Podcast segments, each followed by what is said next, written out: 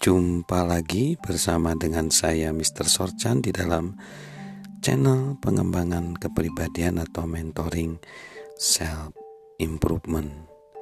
Nah, sekarang bagaimana sih cara-caranya untuk kita menyiapkan diri agar perubahan kita itu menjadi berhasil?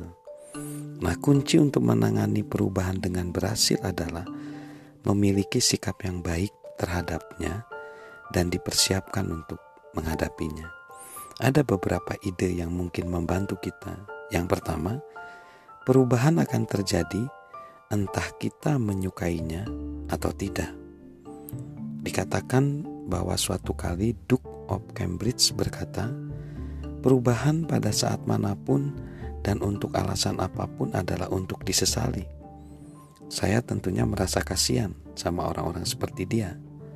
Mereka mengalami kesulitan berhadapan dengan kenyataan dan kehidupan yang sulit ini. Perubahan tidak dapat dihindari. Hal satu-satunya yang pasti tentang hari esok adalah bahwa hari esok akan berbeda dengan hari ini. Jika kita ragu tentang pertanyaan tersebut, pikirkanlah Dulu kakek saya memiliki sebidang tanah pertanian. Orang tua saya memiliki sebuah kebun dan saya memiliki sebuah pembuka kaleng. Ini adalah dunia, dunia yang berubah. Dunia yang berubah dari ratusan tahun yang lalu, 20 tahun yang lalu, 10 tahun yang lalu.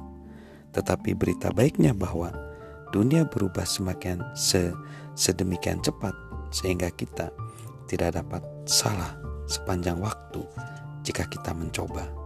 Yang kedua, tanpa perubahan tidak bisa ada perbaikan. Tanpa perubahan tidak ada tidak ada perbaikan.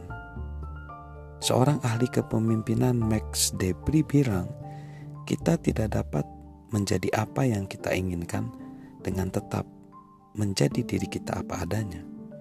Jika kita merindukan pertumbuhan, kita harus menerima perubahan. Jenderal Douglas MacArthur menyatakan, kehidupan adalah proses perubahan yang hidup.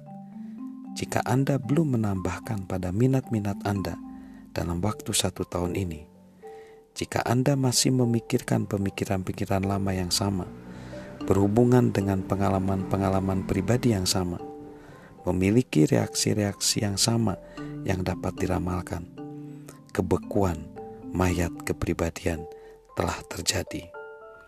Jika kita tidak mengubah arah ke mana kita pergi, maka kita kemungkinan besar akan sampai ke tempat. Kemungkinan besar kita akan sampai ke tempat yang memang kita tuju.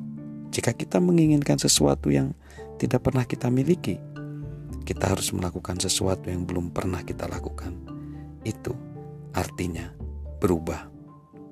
Lalu yang ketiga, buatlah komitmen untuk membayar harga perubahan.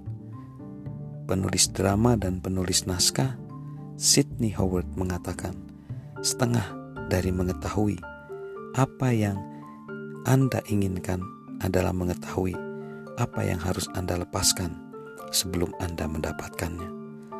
Perubahan selalu memiliki harga yang harus kita bayar. Jika tidak dengan uang, mungkin dengan waktu, dengan energi, kreativitas. Kenyataannya, jika perubahan tidak menuntut harga apa pun dari kita, itu bukan perubahan sejati.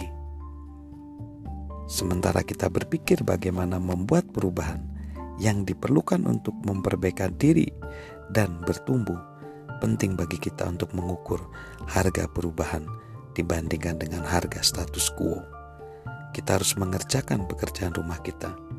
Itu sering membuat perbedaan. Perubahan sama dengan pertumbuhan, dan perubahan sama dengan kesedihan. Berapa harga yang kita bayar karena perubahan-perubahan yang kita inginkan? Ahli manajemen Tom Peters memberikan perspektif tentang ini.